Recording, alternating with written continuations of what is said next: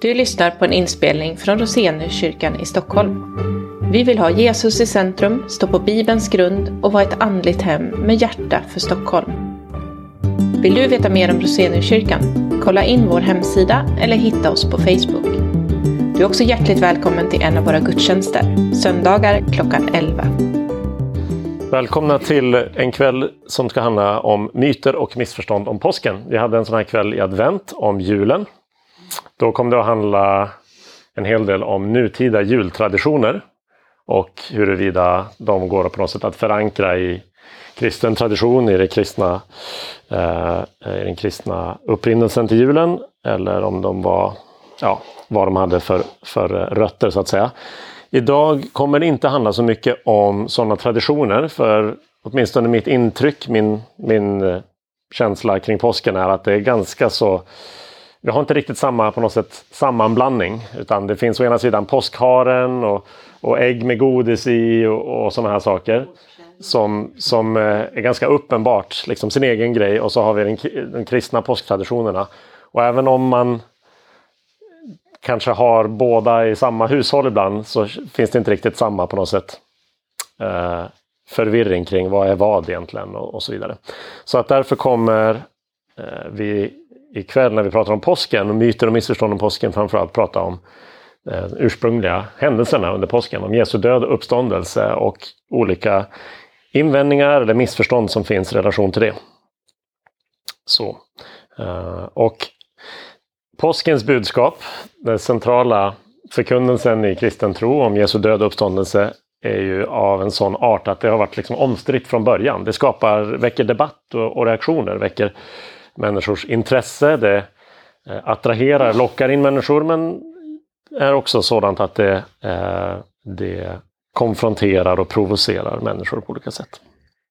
Eh, så jag tänkte börja kvällen med några väldigt tidiga exempel på det innan vi pratar om mer nutida spridda missuppfattningar. En sådan som vi hittar i det bibliska materialet och då tittar vi på Matteusevangeliet skrivet runt år 70 ungefär. Det brukar vara den den vanligaste dateringen. Så kan vi läsa i det sista kapitlet i Matteusevangeliet om vakterna som var utsatta vid Jesu grav och om hur de springer in till staden från graven eh, och eh, berättar vad som har hänt efter att Jesus uppstått. De berättar för översteprästerna som ju var de som bad Pilatus om eh, en, en vaktstyrka. Och så står det, dessa samlades med de äldste, beslöt att ge soldaterna en stor summa pengar och sa, säg så här, hans lärjungar kom på natten och rövade bort honom medan vi såg. Och om ståthållaren får höra det så ska vi tala med honom och se till att ni inte behöver oroa er. De tog emot pengarna och gjorde som de blivit tillsagda och detta rykte är spritt bland judarna än idag. Jag har liksom highlightat den här sista biten där då för att Matteus var ju själv Eh, av judisk härkomst och hans evangelium tycks vara skrivet till en kanske en primärt judisk målgrupp. Eh, han förutsätter att de som läser hans evangelium förstår många av de judiska begreppen och sederna. Och eh, man kan ju lugnt konstatera oavsett vad man har för förtroende för Matteus i, i övrigt så att säga. Så finns det inte så mycket skäl för Matteus att hitta på något hitta på en historia om att lärjungarna skulle ha stulit kroppen om den inte redan var spridd. Han skulle inte ha något motiv att göra det. Så även historiker som inte generellt tror på evangeliet eller som säger har sina tvivel på Matteus som källa menar att det här måste vara en autentisk historisk eh, eh, eh ett historiskt faktum därför att Matteus skulle inte ha något motiv att hitta på en sån här sak.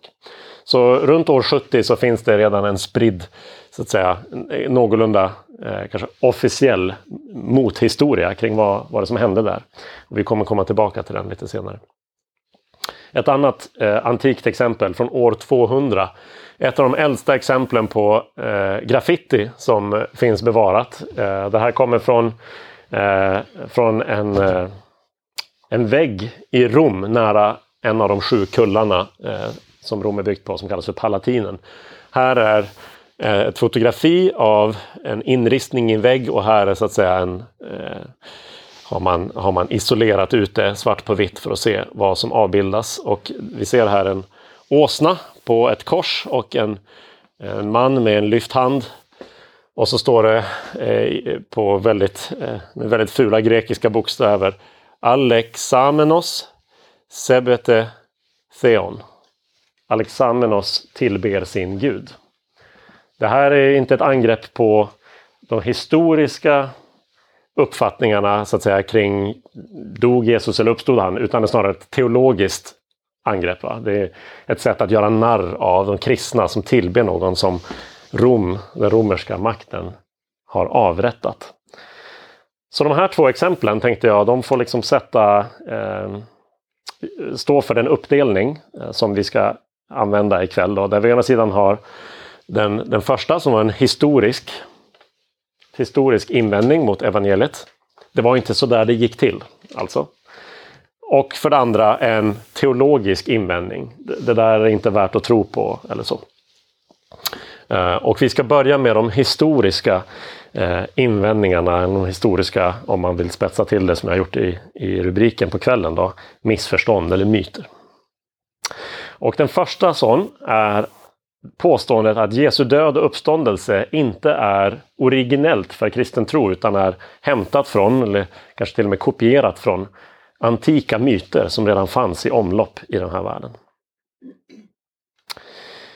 Inom akademin så var det här ett, ett påstående och man kan säga en slags en teori eh, för en tid som man associerar med en särskild eh, tysk Eh, en grupp av tyska akademiker som kallas för Religionshistoriska skolan. Och de var alla aktiva ungefär runt sekelskiftet 18-1900. Och sen eh, inte många decennier senare så övergavs dels så att säga de här teoribyggena i hög grad i allmänhet som de gjorde och inte minst eh, eh, vad de specifikt sa i den här frågan. Men ett av huvudverken som då skrevs av en tysk teolog 1910 översattes till engelska först på 70-talet. Och det gav liksom en ny eh, vind i seglen för de här idéerna. Och vare sig det beror exakt på den boken eller inte så har det eh, in i ganska liksom sen eh, modern tid kommit alla möjliga sådana påståenden i populärkulturen. Eh, en av de mest spridda, men snart tror jag nästan bortglömda, är Dan Browns påståenden i Da Vinci-koden. Där han till exempel skriver att ingenting i kristendomen är original. Eh, så han menar att, att allt som sägs om Jesus i kristendomen skulle vara bara eh, baserat på, på olika föregångsfigurer. Eh, efter Dan Brown så finns det en, en uh, film som heter Zeitgeist som ett tag var väldigt uppmärksammad och spred, spreds uh, flitigt. Uh, där man påstår att Jesus är baserad, inte på gudar i allmänhet utan framförallt på, på en egyptisk gud som heter Horus. men påståenden av det här slaget kommer från, från olika håll och i olika varianter. För att man ska så att säga, om man vill belägga den här teorin, att Jesus skulle vara en kopia av antika myter, så måste man ju åtminstone åstadkomma två saker. Man måste för det första fastställa att det finns verkliga likheter mellan Jesus och olika andra figurer. Men det räcker inte. Man måste också fastställa att, att likheten beror på ett orsakssamband eller en influens. Likhet i sig är inte tillräckligt. Det kan ju ha en annan förklaring. Så vi tar de här sakerna en i taget och när vi gör det så kommer vi, hoppas jag, tror jag, se varför man inom liksom, akademin, bland seriösa forskare, historiker av Nya Testamentet och den antika världen har, har övergett den här eh, föreställningen helt och hållet. Eh, när det gäller då att fastställa likheterna så finns det några saker man behöver göra. Man behöver jämföra eh, källorna vi har om Jesus med de faktiska nedskrivna myterna. Alltså läsa dem sida vid sida och se kan den här ha lett till, kan, kan en, ta en grekisk myt eller egyptisk myt, vilken du vill, faktiskt eh, lik, sägas likna evangelierna om Jesus. Det som snarare händer ofta är att man har liksom ett, någon slags vag blandning, en stor soppa av alla figurer och så säger man, nu när vi redan vet vad som sägs om Jesus, vad hittar vi i de här myterna som, som verkar lite likt? Alltså pilen går åt andra hållet och då kan likheterna överbetonas. Eh, exempel på det kan vara om, Osiris som sägs eh, då ha en likhet med Jesu jungfrufödsel därför att Osiris inte föds på vanligt sätt men Osiris föds ur en klippa. Eh, blir till ur ett stenblock eh, och, och liknande sådana saker. Alltså, det blir ganska långsökta likheter när man inte går åt rätt håll utan ska försöka efterhands eh, söka likheterna. Det andra man måste göra är att inte jämföra så ytligt. Ta till exempel när vi nu pratar, inte specifikt om födseln utan om Jesu död och uppståndelse. Det finns ett antal figurer i de antika myterna som har någon typ av liv efter döden. Men det är väldigt olika påståenden om Herkules som blir, går från att vara människa till att bli en gud, vilket kallas för apoteosis. Eller Apollonius av Tyana som eh, försvinner och sen eh, påstås eller spekuleras ha blivit gudomlig på något sätt. Eh, mytologiska figurer som dör och uppstår med årstiderna. Eh, det här var ju vanligt faktiskt redan i, i de omgivande folken i Gamla Testamentet. Bal som regngud var någon som försvann under delar av året och det, man hade i sina myter olika förklaringar till varför Bal eh, Eh, så att säga, syntes under delar av året och gav rikligt med regn och fruktsamhet. Och andra tider av året eh, inte gick att eh, åkalla. Gick in, det lönade sig inte hur mycket man än bad och offrade till Bal. Han var upptagen på annat håll eller, eller liksom var besegrad, hölls fången någonstans eller så. Det finns olika varianter. Eh, det är inte alls samma sak som att Jesus dör och uppstår en gång. Eh, eller ta Osiris som är en sån som ofta eh, jämförs med Jesus i de här, eh, eh, i de här påståendena. Fortsätter att, att leva fast som, som kung av underjorden i en slags dödsrike. Det är inte samma sak som att uppstå till, till eh, det, den sortens liv som Jesus gör. Eller Julius Caesar eller hans adoptivson Augustus som dyrkas som någon slags gudomliga kejsarfigurer. Det är inte heller samma slags liv efter döden som eh, evangelierna påstår att Jesus hade. Och för det tredje, man behöver jämföra genrerna. Det mesta löser sig ärligt talat om man faktiskt börjar läsa en faktisk berättelse om hur Osiris eller eh, eh, någon sådan föds eller dör. Och vad de grekiska gudarna sysslar med den mesta tiden av dagarna. Deras ständiga eh, svartsjukedraman och triangeldraman med varandra. Och våldsamma eh, hämndaktioner och så vidare.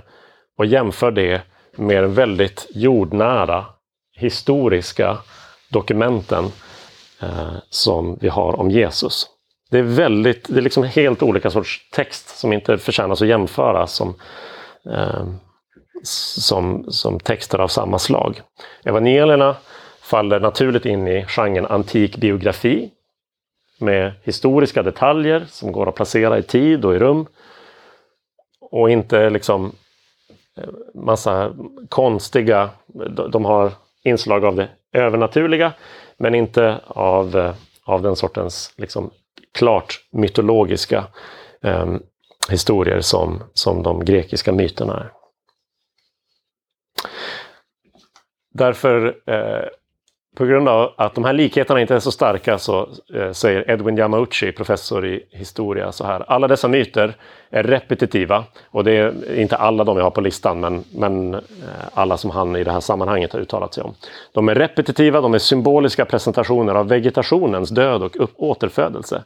De är inga historiska figurer och inget av deras dödsfall syftade till att bringa frälsning. Och här kommer något intressant. När det gäller fallet Jesus rapporterar till och med icke-kristna auktoriteter som Josefus och Tacitus att han dog under Pontius Pilatus i Tiberius regeringstid. Alltså inte bara lärjungarnas, eller apostlarnas skrifter utan också eh, icke-kristna källor placerar Jesus i tid och rum. Och det händer aldrig med de mytologiska figurerna. Hur är det då med det andra? Om vi skulle vara mer positiva till likheterna, hur är det med orsakssambandet då? Ja, man behöver då, som jag sa innan, man behöver behandla myterna för sig. Det, finns, det är inte så att det fanns i den här världen någon slags universell blandreligion som, som mer skulle vara ett nutida sätt att förhålla sig. Eh, utan man, man behöver liksom kolla var och en. Kan, kan den här källan, den här myten eller den här religiösa eh, praktiken, kan, kan just den ha lett till idén om Jesus? Man måste hålla koll på kronologin. För påverkan kan ju bara gå åt ett håll i tiden. Kan, om vi bara har senare källor, till exempel som vi har för Mitrasdyrkan i romar, den romerska världen, eller de tidigaste källorna om Apollonius, och det här är då exempel på figurer som vissa har framfört.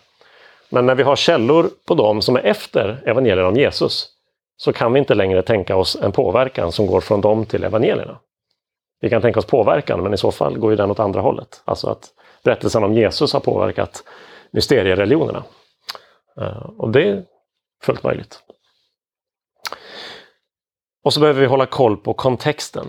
Alla, eh, liksom hela, hela bakgrunden till den kristna rörelsen är monoteistisk judendom. Om man ska påstå att de har lånat från andra källor så måste man helt bortse från vilken typ av syn de hade på grekisk mytologi som monoteistiska judar. 160 f.Kr. ägde ett stort uppror eh, rum, Makabeerupproret, som man kan läsa om i de apokryfiska böckerna, eh, Makabeerböckerna. De slutar med att templet rensas av avgudar och eh, man återinviger och renar templet. Judarna firar Hanukka fortfarande idag till minne av den eh, triumfen. Och från det så är det judiska samhället väldigt noggrant med att hålla alla hedniska tendenser borta. Att inte plocka in influenser från, från icke-judisk tro och religion. Och man kan till exempel se i Nya Testamentet att alla de fem gånger som ordet mytos förekommer så är det universellt avvisande. Man gör en tydlig kontrast. Petrus skriver i sitt andra brev, det var inte myter vi förde vidare till er, utan tvärtom något vi såg med egna ögon. Och den användningen är konsekvent i Nya Testamentet.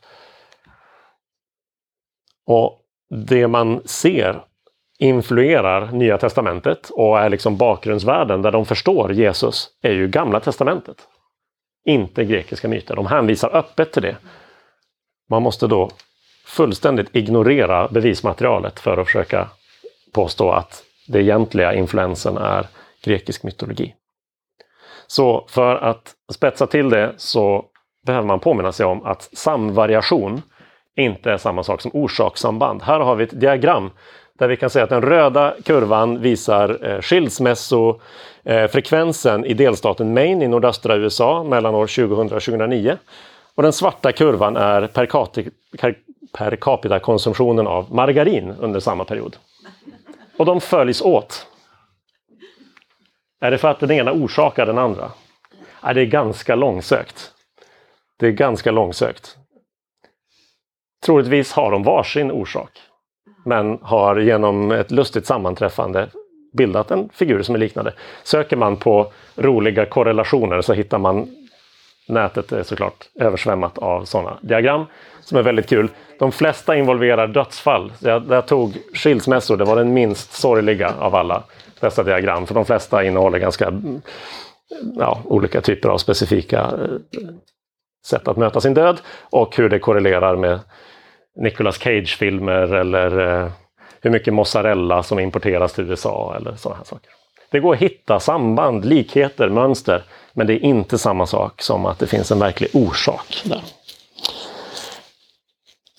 Den tyske forskaren sammanfattar läget, eh, Jan Bremmer, eh, förlåt, holländsk forskare eh, sammanfattar läget i början av 2010-talet. För att sammanfatta ser vi att alla försök att härleda den tidigaste kristendomen från antikens mysterier har misslyckats. Så, det var det första påståendet. Ni får eh, lägga era eventuella frågor på minnet och så går vi vidare till nummer två. Det kommer vara ganska mycket ikväll. Det kommer vara mycket text på väggen, det kommer vara mycket detaljer ta det ni känner att det här har jag behov av och låt resten liksom svepa över er och så vet ni att om jag någon gång får en fråga om det här så, så finns det text på väggen här i rummet. Så behöver bara gå tillbaka hit och titta på väggen. Nästa påstående. Jesu uppståndelse är ovetenskaplig. Den här behandlar jag väldigt kort. Eh, för vi kommer... Det liksom flödar naturligt in i nummer tre som vi ska ta sen. Att Jesu uppståndelse är ovetenskaplig, det är ett ganska trubbigt påstående och man kan tolka det på åtminstone två olika sätt. Som ett lite starkare påstående om att Jesu uppståndelse är fullständigt oförenligt med vetenskapen. Med andra ord, vi kan inte både liksom tro på en, någon typ av vetenskaplig världsbild eller använda oss av vetenskapens upptäckter och, och vinster och samtidigt hävda något sånt som att Jesus uppstått. Eller så kan det vara ett lite svagare påstående att Jesu uppståndelse ligger liksom utanför vetenskapens område. Vetenskapen kan inte säga någonting om den. Vi tar ett i taget. Det första förknippar jag med Ingemar Hedenius. Som i sin bok Tro och vetande eh, på 50-talet skrev att det finns en naturlag då som säger att alla mänskliga kroppar som verkligen dött, de förblir döda. Och då menar han att man kan inte tro på uppståndelsen därför att i så fall gäller inte den här naturlagen längre. Man måste liksom välja vilket. Det här är, är, skulle jag säga, både ett dåligt sätt att förstå mirakel och ett dåligt sätt att förstå naturlagar. Ett sätt att förstå naturlagar som i mångt och mycket, eh, mitt intryck, har övergetts inom vetenskapsfilosofin. Men om jag fokuserar på mirakel först så menar inte kristen teologi att mirakel är brott mot naturlagar. Det för ju tankarna till en juridiskt eh, brott så att säga, som man måste ställas till svars för. Men om, om Gud finns och har stiftat naturlagarna eller liksom upprättat dem så, så är han naturligtvis fri att eh, åsidosätta dem. Men ett bättre sätt att förstå vad ett mirakel faktiskt är, är att säga att mirakel är när något tillförs utöver naturlagarna. Precis som eh, en, min, en, en vän till mig som nyligen, jag hörde nyligen prata om det här. Han beskrev, han tog en boll och kastade över rummet. Uh, vi låtsas att det här är en boll, så kastade han den och så sa han att en sån enkel kaströrelse har vi alla eh, nödvändiga matematiska formler för att beskriva. Och inom fysiken på gymnasiet så lär man sig räkna en, en bana eh, när någonting kastas. Men någonting kan komma i vägen och kollidera med någonting som befinner sig i en bana och då ändras den banan. Ett mirakel behöver inte vara mer uppseendeväckande eh, på sätt och vis än just det. Någonting tillfogas som var oförutsett. Men i fallet med mirakel såklart något som också saknar en egen naturlig förklaring. Poängen är att om, Jesus, om Gud uppväcker en människa från döden har inte Gud nödvändigtvis upphävt det som normalt sker med döda kroppar. Lika lite som att att, um, ja, att Jesus går på vatten skulle göra att plötsligt kan alla gå på vatten för att nu är den naturlagen liksom bruten eller förstörd på något sätt. Utan det är helt enkelt någonting har tillförts här som, som går utöver. När Jesus på ett övernaturligt sätt blir till eh, med en jungfru eh, tillblivelse. Efter att det har skett så fortsätter naturen sin gång eh, och det lilla fostret växer till ett barn på ett vanligt sätt och föds på vanligt sätt. Det är inte så att alla de vanliga ordningarna och lagarna för hur ett barn växer, utvecklas och föds är satta ur spel. Utan naturen tar liksom emot ett mirakel och så fortsätter sakerna sin gång. Och därför behöver man konstatera, menar jag, att mirakel är möjliga så länge Guds existens är möjlig. Om Guds existens inte är fullständigt utesluten, och det är i princip omöjligt att, att bevisa såklart Guds icke-existens. Så måste vi ha ett öppet sinne för att mirakel i alla fall är möjliga. Lite knepigare är det väl då att bemöta påståendet att Jesu uppståndelse är utanför vetenskapen. Det här påståendet bygger på vad man brukar kalla för metodologisk naturalism, det vill säga att vetenskapen kan bara handskas med fysiska skeenden inte metafysiska, inte övernaturliga saker, eller det vi inte kan se och verifiera. Och alltså måste vetenskapen liksom anta att mirakel inte sker, för den kan, inte, den kan inte mäta eller fånga in sånt. Inom en viss riktning inom teologin som var väldigt inflytelserik eh, på, på eh, klassisk liberal teologi under 1800-talet och 1900-talet eh, så pratar man ibland om analogins princip. Alltså att alla historiska händelser, inklusive de vi läser om i Bibeln, måste gå att jämföra med nutida paralleller. Annars måste vi kasta, kasta bort dem. Det är en tysk teolog som heter Tröltsch som hävdade det. Eh, och den är problematisk av, av massa skäl. Men det vi kan säga, det korn av sanning som finns i det här med, med metodologisk naturalism är att en historiker kan inte helt och fullt eh, som historiker säga det där var uppståndelse. För uppståndelse är ju mer än att bara en kropp som tidigare var död nu är levande. Uppståndelse det är, det är början på nytt hopp för alla som tror på Jesus. Det, det, det, för, det är liksom inbakat i en teologisk eh, förståelse av världen. Men det finns ett problem med det här. För man behöver fundera på vad är historikerns mål? Vad är, vill en historiker åstadkomma med sitt arbete? Ja, det är ju en korrekt rekonstruktion eller återberättelse om vad som hände. Och Mike Licona eh, säger då så här om exemplet Jesu uppståndelse. Om Jesu uppståndelse var en händelse som ägde rum i historien riskerar de som förvägrar historiker rätten att undersöka den, eller som på förhand utesluter mirakel som möjligt svar, att försätta sig i en situation där de inte korrekt kan redogöra för historien. Alltså om man på förhand utesluter vissa svar, tänk om de svaren visar sig vara rätt. Då har du som historiker plötsligt avskilt dig från verkligheten och du har misslyckats med det som är historikerns mål, att ge en korrekt återberättelse eller rekonstruktion. Så det verkar dumt att på förhand säga att vi kan inte ta in det här. För då, då säger man att då är det inte längre histori historien som sådan jag är intresserad av, utan det är historien på mina villkor jag är intresserad av. Och, och det tycker jag är ett, ett um, ovist sätt att resonera som historiker. Eh, när historiker kan redogöra för vilka fakta, vilka data är det som behöver förklaras, vilka olika förklaringar finns det och så kan man eh, åtminstone komma så långt som att säga ja, Jesu uppståndelse skulle förklara de här fakta.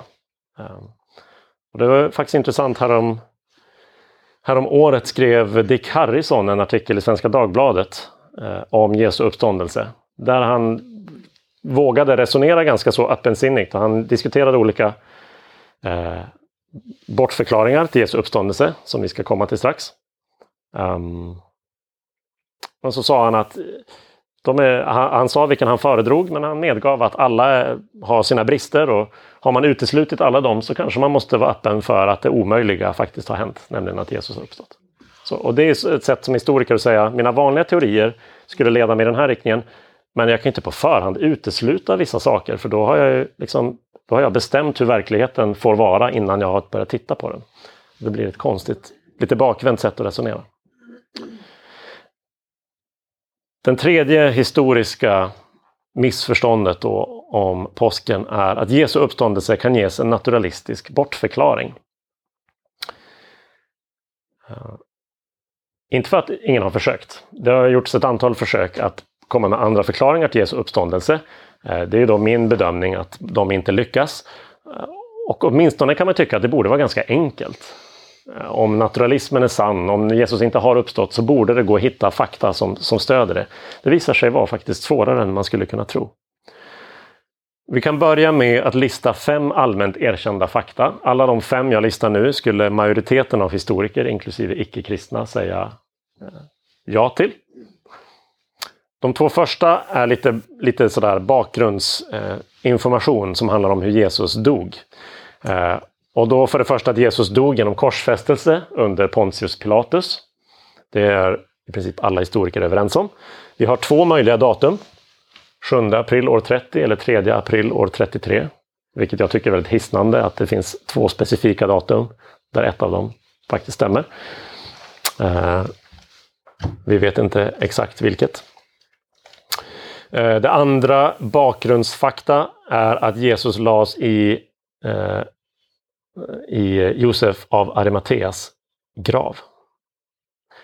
Så, det relaterar till Jesu död. Sen har vi åtminstone tre saker som eh, historiker i allmänhet eh, är överens om vad gäller vad som hände sen. Och det är då att på söndagen fanns graven vara tom. Det finns många och tidiga och oberoende källor på detta, uppgifter från de olika evangelierna och så vidare. Eh, och man är överens om att det här har vi pålitliga eh, uppgifter om. För det andra, att, eller fjärde beroende på hur vi räknar, att människor upplevde möten med Jesus. Hur man tolkar dem är såklart då, där drar människor väldigt olika slutsatser. Men de flesta är överens om att människor åtminstone upplevde någon form av möte med Jesus. Och dessutom att den kristna tron uppstod, vilket går utöver liksom bara den här tanken på att jag hade någon slags kontakt med Jesus eller han talade till mig och säger att Jesus har faktiskt besegrat döden. Han är Messias. Trots att han dog på ett kors och så vidare. Den kristna tron uppstod. Det är ett faktum som ingen kan förneka överhuvudtaget. Därför att bevisen är fortfarande ibland oss. Eh, I form av oss till exempel, eh, som är här ikväll. Eh, den kristna tron uppstod och de första kristna som var talespersoner för tron gick ju verkligen liksom helhjärtat in i det och de flesta av apostlarna gav sina liv för den. Så den går liksom inte att komma ifrån. När man då ska försöka förklara, man ska försöka hitta en eller flera förklaringar som tillsammans gör rättvisa åt dessa fakta, så finns det också eh, ungefär fem kriterier som är viktiga att ha till hands. Nu blir det lite avancerat, lite detaljerat här. Då. Det ena är förklaringsomfång. Alltså man vill helst ha en förklaring som täcker allihopa av de här fem fakta. Om, om någonting bara täcker en eller två av dem, då måste man lägga till flera olika hypoteser tillsammans.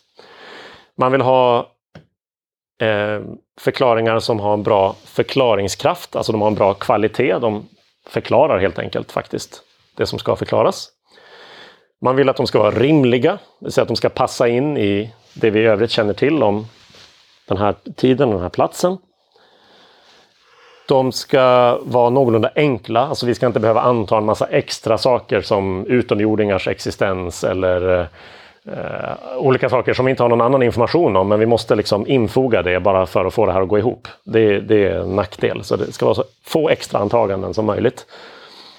Och det femte är liksom mer en bonus ifall en hypotes, en teori också förklarar ytterligare saker utanför frågan vi, vi tittar på. Om vi då tittar på fem olika förklaringar till de där fem fakta vi hade. För det första, vi ska göra så här.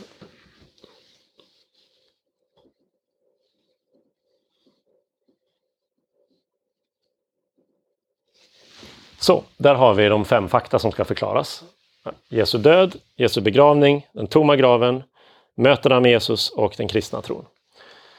Om vi börjar med konspirationshypotesen. Det är tankarna om, som vi läste om i Matteusevangeliet. Att lärjungarna själva skulle ha kommit överens om att ha stulit kroppen och sen hittat på den kristna tron. Den har bra omfång. Den förklarar alla de här sakerna. Det stämmer överens med att Jesus är död. Han var verkligen död och förblev död. Den tomma graven beror på att lärjungarna stal kroppen. De påstådda mötena är ren lögn. Och den kristna tron är också en total bluff. Så den har ett stort omfång. Men sämre förklaringskraft. Varifrån kommer den kristna tron på en Messias som besegrat döden trots att han hängt på ett kors? när vi tittar på källorna så verkar det här ha varit väldigt svårt för judar att ta till sig eftersom Gamla testamentet anger att någon som dör på det sättet är förbannad av Gud. Det är därför lärjungarna behöver, de kan inte ta in det, de behöver processa med hjälp av den uppståndne Jesus. Varför dog du på korset då? Hur kunde det vara en del av Guds plan? Rimligheten är väldigt låg därför att lärjungarna verkar inte vinna någonting på hela den här konspirationen.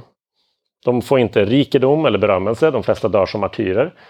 Vi ser tydliga förändringar från, eh, vilket inte minst Lukas lyfter fram, när man jämför Petrus på översteprästens gård och Petrus inför Stora rådet några veckor senare. Han som tidigare var, var rädd, som förnekade Jesus, bekänner nu Jesus inför exakt samma personer närvarande. Så det förklarar inte, det är liksom inte rimligt att de skulle ha den sortens mod plötsligt om de vet att allt är ett påhitt. Och ett annat problem med rimligheten är ju att eh, konspirationer brukar läcka ut när de involverar så pass många personer. Eh, varför, hur kommer det sig att i så fall ingen läckte det? Man måste hitta på eh, fler extra antaganden. Vad hade de för agenda och så vidare. Då måste man börja spekulera i det och, och, och sådana källor har vi inte. Så det blir totalt liksom, lösa antaganden. Så vi lämnar den hypotesen så länge. Um, Nummer två är att kvinnorna gick till fel grav. Alternativt någon okänd person har flyttat kroppen. Nu kan vi se att plötsligt så har vi en hypotes som inte alls förklarar alla fem fakta. Den förklarar, den stämmer överens med att Jesus är död och den förklarar varför graven är tom. Men inte nummer fyra och fem. Hur kommer det sig att människor sa att de mötte Jesus? Eller att den kristna tron uppstår? Och, och rimligheten också ganska låg, eller förklaringskraften, hur man nu ska beskriva det. Alltså, vem har motiv att stjäla kroppen? Jesu fiender har redan kroppen och har kontroll över den eftersom de har vakter och en sten i vägen. Och om vi säger att det är Jesu vänner, då är vi tillbaka i nummer ett och vi har redan sett att den är inte så värst bra. Så man kommer inte så jättemycket längre. Dessutom, eftersom den bara täcker den här, så måste den då kombineras med någonting för att förklara mötena och tron. Och, och då blir det ofta någon form av hallucinationsteori. Som i sin tur då, hallucination förklarar ju inte den tomma graven utan, ska jag säga, bara mötena med Jesus. Det förklarar inte den kristna tron, för det som vi ser när lärjungarna förkunnar evangeliet om Jesus, det är någonting nytt som de inte trodde innan. Hallucination beror på förväntningar, så de, hallucinationerna skulle inte ge upphov till en ny eh, trosföreställning, utan snarare vara mer troligt ge någon typ av tröst om att ja, Jesus har talat till mig bort, bortom graven. Han, han finns hos Gud trots allt eller något sånt. Inte att han har varit fysiskt uppstånden. Um, vi har en skendödshypotes har också ibland förts fram. Kan det ha varit så att Jesus faktiskt aldrig dog utan bara slogs medvetslös? Den stämmer ju med den tomma, eller den för, försöker då förklara den tomma graven. Och det gör den väl ganska bra, förutom att man måste då försöka förstå hur han tog sig ut och varför vakterna släppte ut honom och så vidare. Varför ingen dödade honom igen. Eller Dödar honom på riktigt snarare. Um,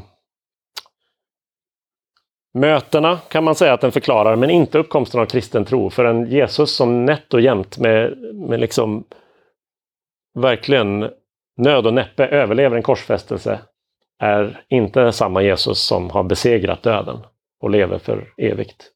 Det är en väldigt dålig förklaring av det. Och det är en ganska dålig förklaring av att Jesus avrättades av Pontius Pilatus, för han hade koll på hur man avrättar folk.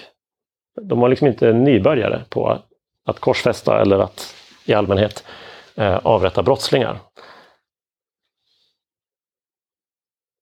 Och så har vi uppståndelsen som förklarar samtliga fem fakta. Eh, som förklarar dem väl. Och där den springande punkten blir rimlighet. Är man öppen för att det övernaturliga kan äga rum eller inte? Det är det som kommer att avgöra i väldigt hög grad. Inte de historiska fakta, utan vad man kommer med för, för liksom, fördomar är ett laddat ord, men ni fattar vad jag menar. Vad man kommer till uppståndelsens fakta med för slags syn på världen, livsåskådning, förutfattade övertygelser eller eh, meningar. Um, jag tror att vi hoppar över... Ja, vi kanske unnar oss en snabb genomgång av en sak som jag tycker är väldigt fascinerande när jag har kikat på det här.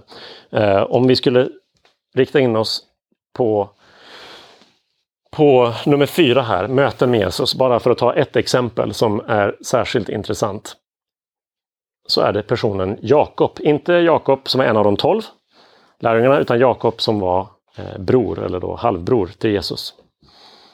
Om vi, om vi läser både kristna och icke-kristna källor om honom så kan vi få fram åtminstone de här fakta om hans liv. Markus berättar i början av sitt evangelium att Jesu mor och bröder vid ett tillfälle kommer för att tysta Jesus och stoppa honom när han undervisar för att de tror att han är, de menar att han är från sina sinnen. De är inte ombord på, på Jesu verksamhet och undervisning. Johannes skriver i sitt evangelium, inte heller hans bröder trodde på honom. De är skeptiska från start.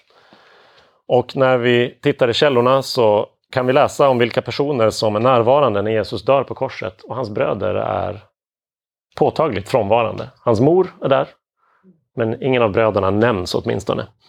Och, och i Johannes evangelium så, så säger, ger Jesus eh, lärjungen Johannes ett särskilt ansvar för hans mor Maria. Som om bröderna är inte där och de är inte eh, inte så att de nödvändigtvis måste ha avvisat henne, men de är inte med i liksom rörelsen runt omkring lärjungarna. Och därför så är de inte närvarande i hennes liv. Men sen kommer ett antal pusselbitar som ger ett väldigt annorlunda intryck. I Apostlagärningarnas första kapitel så står det om att Jesu bröder och mor var närvarande i övre salen där lärjungarna är samlade på pingstdagen. I Apostlagärningarna 12 kan vi läsa om att Jakob, som var bror till Jesus, nu är ledare, en av ledarna för Jerusalems församling. Och i Josefus, den judiska historikern, kan vi läsa om att samme Jakob blev avrättad för sin tro på Jesus. Vad får de här tre pusselbitarna att passa ihop med de här tre? Första Korintierbrevet 15 är vår tidigaste, den äldsta källan om Jesu uppståndelse. Och där skriver Paulus, därefter visade han sig för Jakob och sedan för alla apostlarna. Om det stämmer har vi pusselbiten som får de här sakerna att passa ihop. Att Jesus personligen visade sig för sin bror Jakob. Gary Habermas som är en av världens främsta experter på uppståndelsen och på så att säga, olika Ehm, synsätt i uppståndelseforskningen. Han säger att majoriteten av nutida forskare, inklusive många väldigt skeptiska sådana, är överens om att Jakob omvändes från icke-tro till tro på Jesus som ett resultat av någon typ av möte. Jakob blev genuint övertygad från att ha varit där till att vara där. Bara som, en, som ett exempel på hur många pusselbitar vi faktiskt har. Där vi får eh, en, en ganska liksom bred uppsättning fakta som jag menar bäst förklaras av att Jesus faktiskt uppstod. Nu har ungefär en normal tid för ett föredrag gått och vi har hunnit med de historiska invändningarna. Hur är orken och uppmärksamhetsnivån? Går det bra? Ska vi racea vidare? Ta en lur och lyssna på inspelningen om du föredrar det. Eh, så, så ska jag ta upp två stycken teologiska invändningar och den första går ganska fort så att vi kanske ändå hinner bli klara till åtta. Eh, den första teologiska myten eller missförståndet är att Jesu uppståndelse inte nödvändigtvis skulle behöva vara kroppslig. Det här var någonting som kanske framförallt associeras i, i någorlunda modern tid med Eh, biskop John Shelby Spong. Eh, som var biskop inom, oh, nu har jag tappat vilket samfund det var, men i Nordamerika. Jag för mig att han gjorde ett annat Sverigebesök också och var liksom i ropet under en, en tid, kanske framförallt 80 och 90-talet. Och det här påståendet är hämtat från en bok i mitten av 90-talet. För mig är påsken evig. Subjektiv, mytologisk, icke-historisk och icke-fysisk. Samtidigt är påsken något verkligt för mig. Givet en viss bakgrund som man kanske skulle kalla då kristen existentialism, där man säger det viktiga är inte vad som händer i historien, det viktigaste är vad som händer i mig personligt, i mitt hjärta.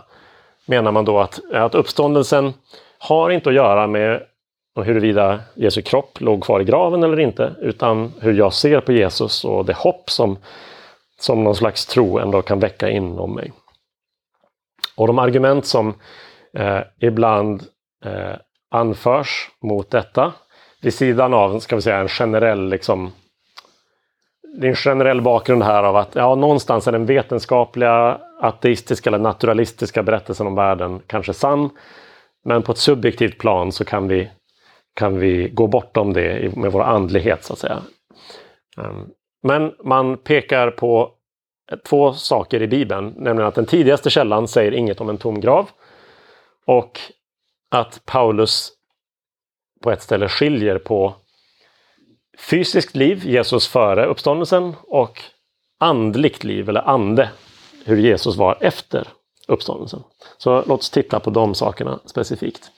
Men vi kan börja med, inte de tidigaste, den tidigaste källan, utan de utförligaste källorna. Och det är ju evangelierna. Där kan vi lägga märke till att Matteus nämner att kvinnorna som eh, möter Jesus vid graven får lov att röra vid honom. Att lärjungarna vid åtminstone ett par tillfällen äter med Jesus. Att Thomas som har svårt för att tro vid ett tillfälle får sätta sitt finger på Jesus sår. Helt enkelt att alla evangelierna konsekvent och helt samstämmigt säger att det här var fysiska möten. Lukas fyller i i apostlärningarna. Han visade sig för dem efter sitt lidande och gav dem många bevis på att han levde när han under 40 dagar lät dem se honom och talade med dem. Så det här är under en utdragen tidsperiod och han ger dem många bevis. Det är utpräglat fysiska möten. Om man nu tänker sig att alla de här sakerna var syner egentligen, så är det konstigt att de alltid beskrivs som fysiska. Vad är motivet till det och förklaringen till det om, om alla egentligen var subjektiva? Då, då vore det ganska naturligt att, att det märktes någonstans. Nya testamentet skiljer på verkliga möten och syner. Och det är inte så att Nya testamentet liksom föraktar syner. I Apostlagärningarna så får Stefanos en syn, Paulus får åtminstone en syn, Petrus får en eller två syner. Och Gud talar till dem genom dessa syner. Men det är inte det det här beskrivs som. Det beskrivs väldigt tydligt som något annat. Men den tidigaste källan då, första Korinthierbrevet 15. Där skriver Paulus så här. Om första Korinthierbrevet dateras till ungefär år 50. Ungefär år 50 skrev det, Paulus det. Då är vi max 20 år efter Jesu död och uppståndelse. Men han, när han kommer till det här stället med uppståndelsen så skriver han Jag förde vidare till er det allra viktigaste, vad jag själv har tagit emot. Och de här orden, föra vidare och ta emot, är tekniska termer för en muntlig tradition som man hör och förvaltar på ett ansvarsfullt sätt. Det är ju så man spred mycket information på den här tiden. Man hade inte råd att skriva ner allt för skrivmaterial var dyra. Vad var det då? Jo, det allra viktigaste, det som Paulus tog emot och förde vidare var en, vad många tror är en slags tidig kristen bekännelse i fyra punkter. För det första att Kristus dog för våra synder enligt skrifterna. För det andra att han blev begravd. För det tredje att han uppstod på tredje dagen enligt skrifterna. Och för det fjärde listan på ögonvittnen till hans uppståndelse. När tog Paulus själv emot det här? Ja, med tanke på vilka det är som nämns här, Kefas, alltså Petrus, de tolv, och Jakob. Var träffade han dem någonstans? Sannolikt i Jerusalem, år 36. När Paulus åkte dit för att stämma av att det evangelium han själv hade börjat förkunna var samma som de förkunnade. År 36, det för oss alltså inom tio år från Jesu död och uppståndelse. Så det här är extremt tidig källa. Säger den någonting om den tomma graven? Man kan tycka att den inte gör det tills man tänker på den här formuleringen. Att Jesus uppstod på tredje dagen. Om Paulus skulle tala om en andlig uppståndelse och Jesus ligger kvar i graven. Varför hävda att det är just på den tredje dagen Jesus uppstår? Om, om kroppen ligger kvar i graven så kan Jesus uppstått direkt eller när som helst. Men det ges en specifik tidsangivelse, vilket tyder på att det var den dagen graven upptäcktes vara tom. Så åtminstone indirekt säger det någonting om den tomma graven. Hur är det med senare i kapitlet då? Samma kapitel när Paulus skriver att Jesus eh, och när han talar också om uppståndelsen för de troende. När han talar om att det som blir sått som en kropp med fysiskt liv uppstår som en kropp med ande. Det här är Bibel 2000s översättning.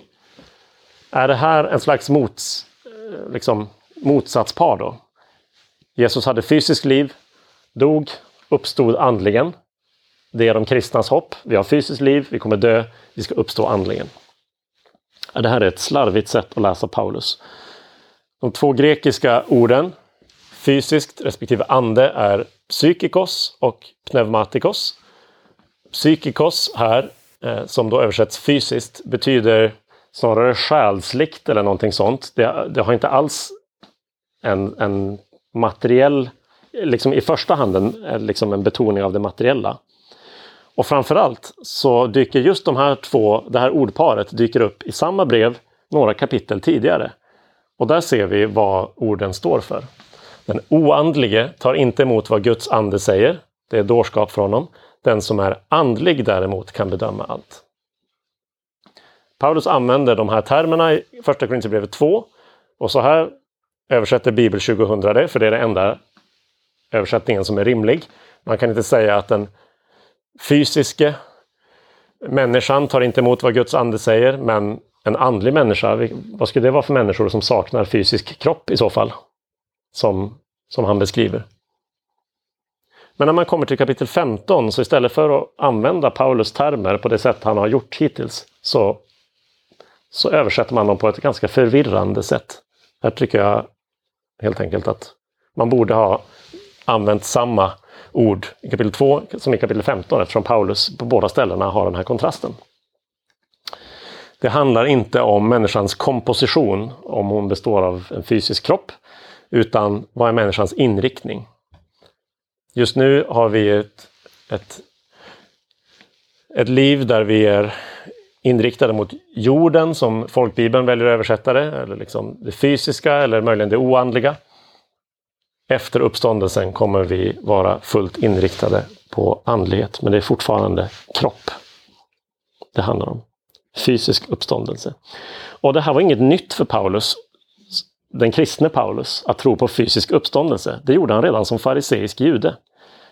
Vi kan se i Apostlagärningarna 23 när Paulus försvarar sig inför en grupp judar så säger han jag, är, jag var farisé som ni och jag är ställd inför rätta på grund av hoppet om de dödas uppståndelse.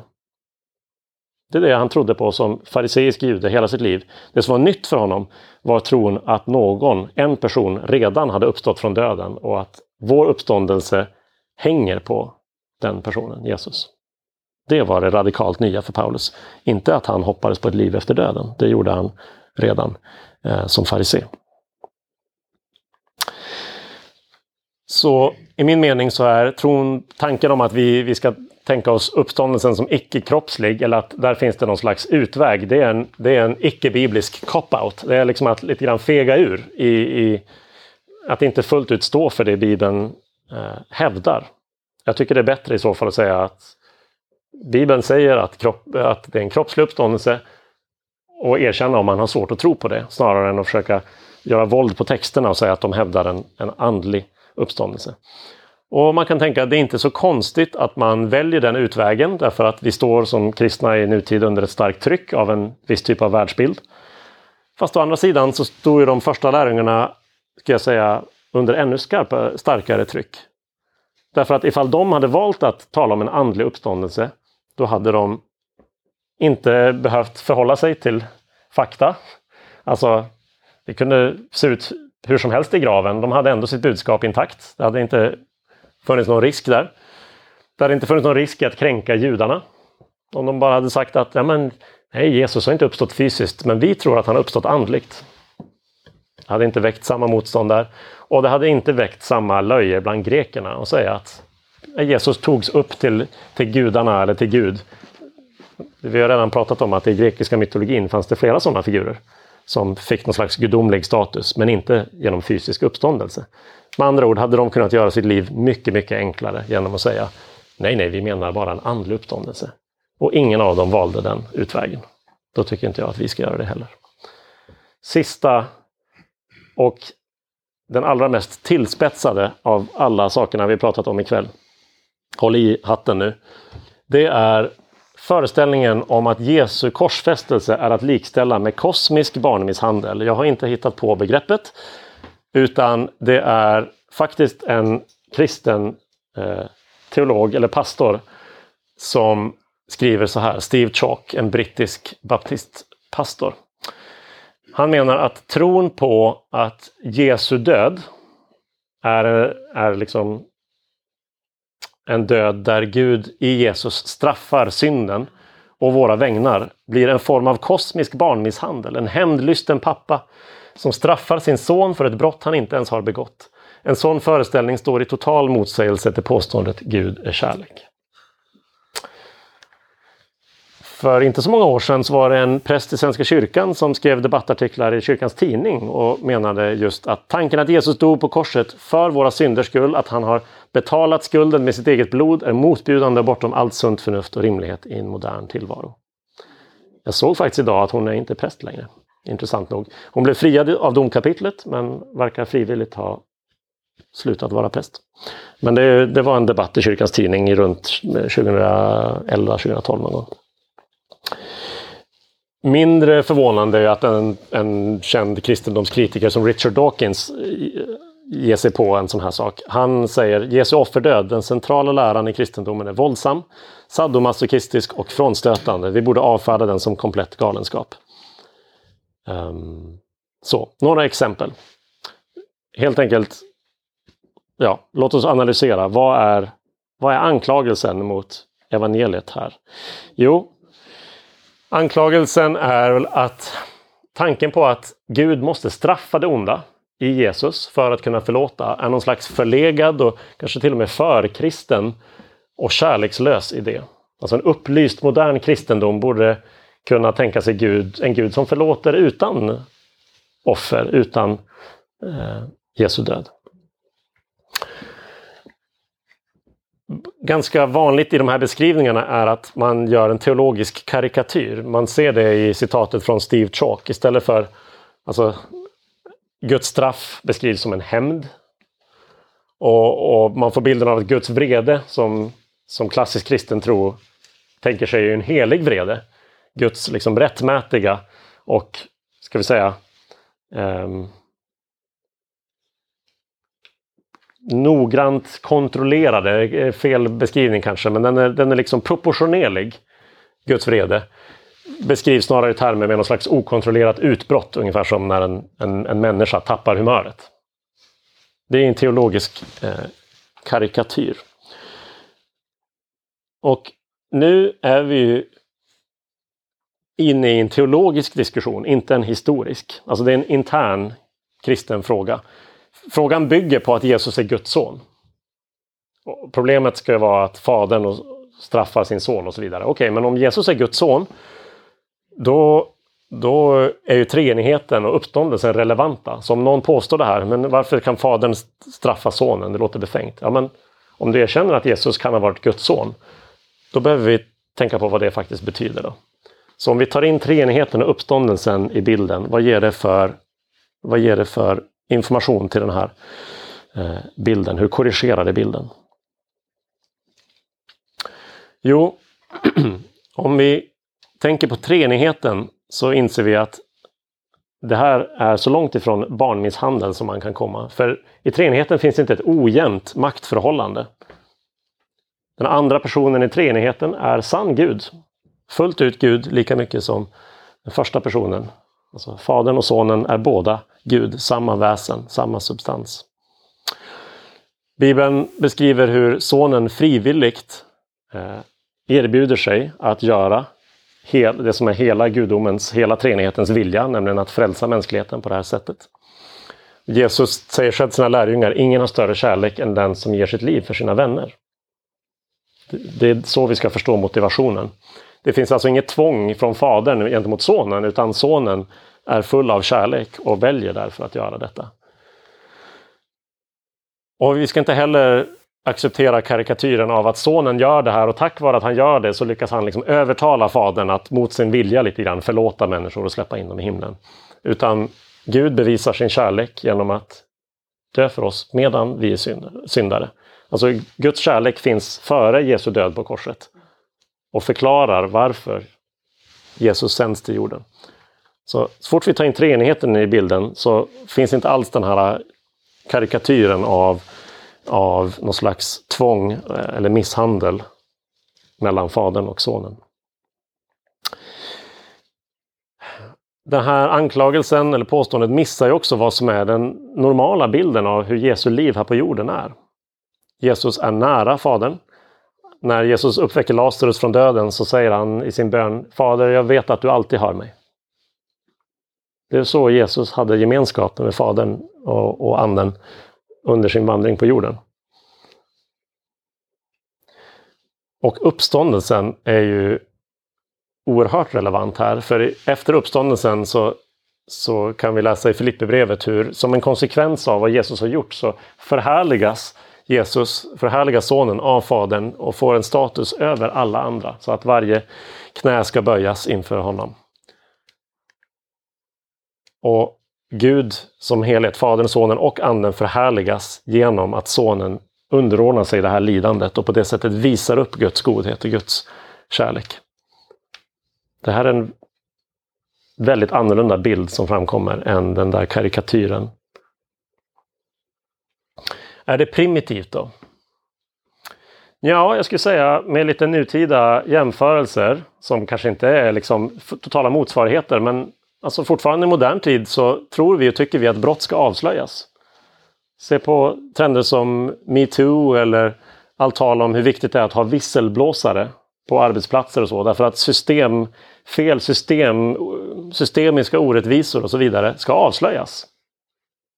Så att, att Jesus liksom offentligt korsfästes på det här sättet att ondskan, synden kläs av och avslöjas på det här sättet är en dynamik som med brister av alla möjliga slag fortfarande vi anser är rimlig. Och jag skulle säga att de flesta av oss tror fortfarande att brott ska bestraffas.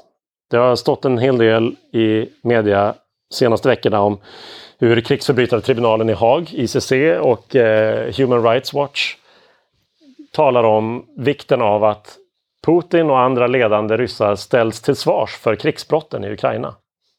Hoppet om att det ska ske är ganska litet för krigstribunalen i Haag har inte rätt att arrestera någon. Ryssland har ingen utlämningsavtal med tribunalen i Haag. Men man säger det är det som borde ske. De borde ställas till svars och straffas för sina brott. Och Skälet till det är att straff till skillnad från en enbart liksom behandling eller terapi eller rehabilitering av en, en förbrytare faktiskt säger att du var ansvarig. Poängen är inte bara att vi ska få dig att och liksom anpassa dig till ett normalt liv i samhället, utan att det du har gjort förtjänar ett straff. Och ett straff värnar också brottsoffret, bekräftar inför brottsoffret det som hände dig var, har ett moraliskt värde. Och nu utmäts det i form av ett straff till den som är skyldig. Det är inte alls så primitivt som en del vill göra det till, skulle jag säga.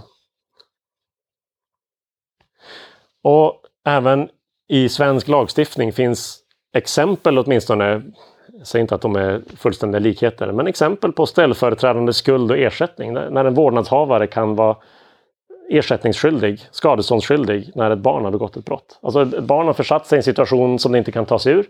Och här finns en ansvarig vuxen som får gå in och ta straffet för det här brottet. Ja.